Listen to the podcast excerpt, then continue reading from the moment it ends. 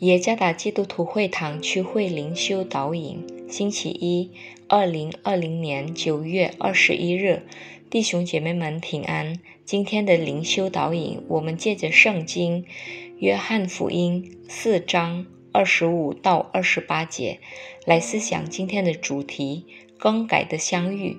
作者伊玛内利牧师。约翰福音四章二十五到二十八节。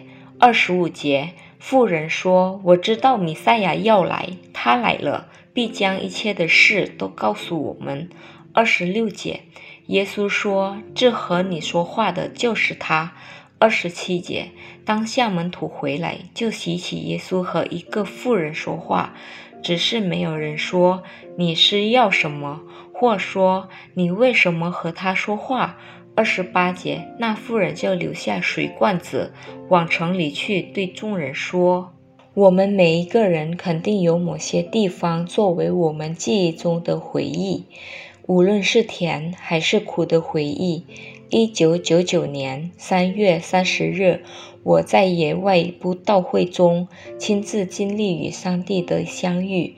当时，卓纳虽萨牧师为我祷告，我就经历上帝非凡的爱，更改了我的生活。那布道会之后，我就决定要服侍上帝。撒玛利亚妇人与耶稣在雅各井的相遇，更改了她的生活。约翰福音记载，那妇人有不好的经历，她结过五次婚，几时现在与她同住的丈夫不是她的丈夫。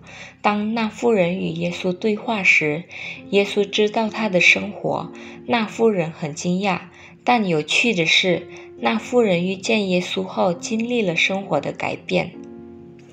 当我们遇见经历过上帝的人，无论在任何的情况下，都能够更改我们的生活，变得更美好。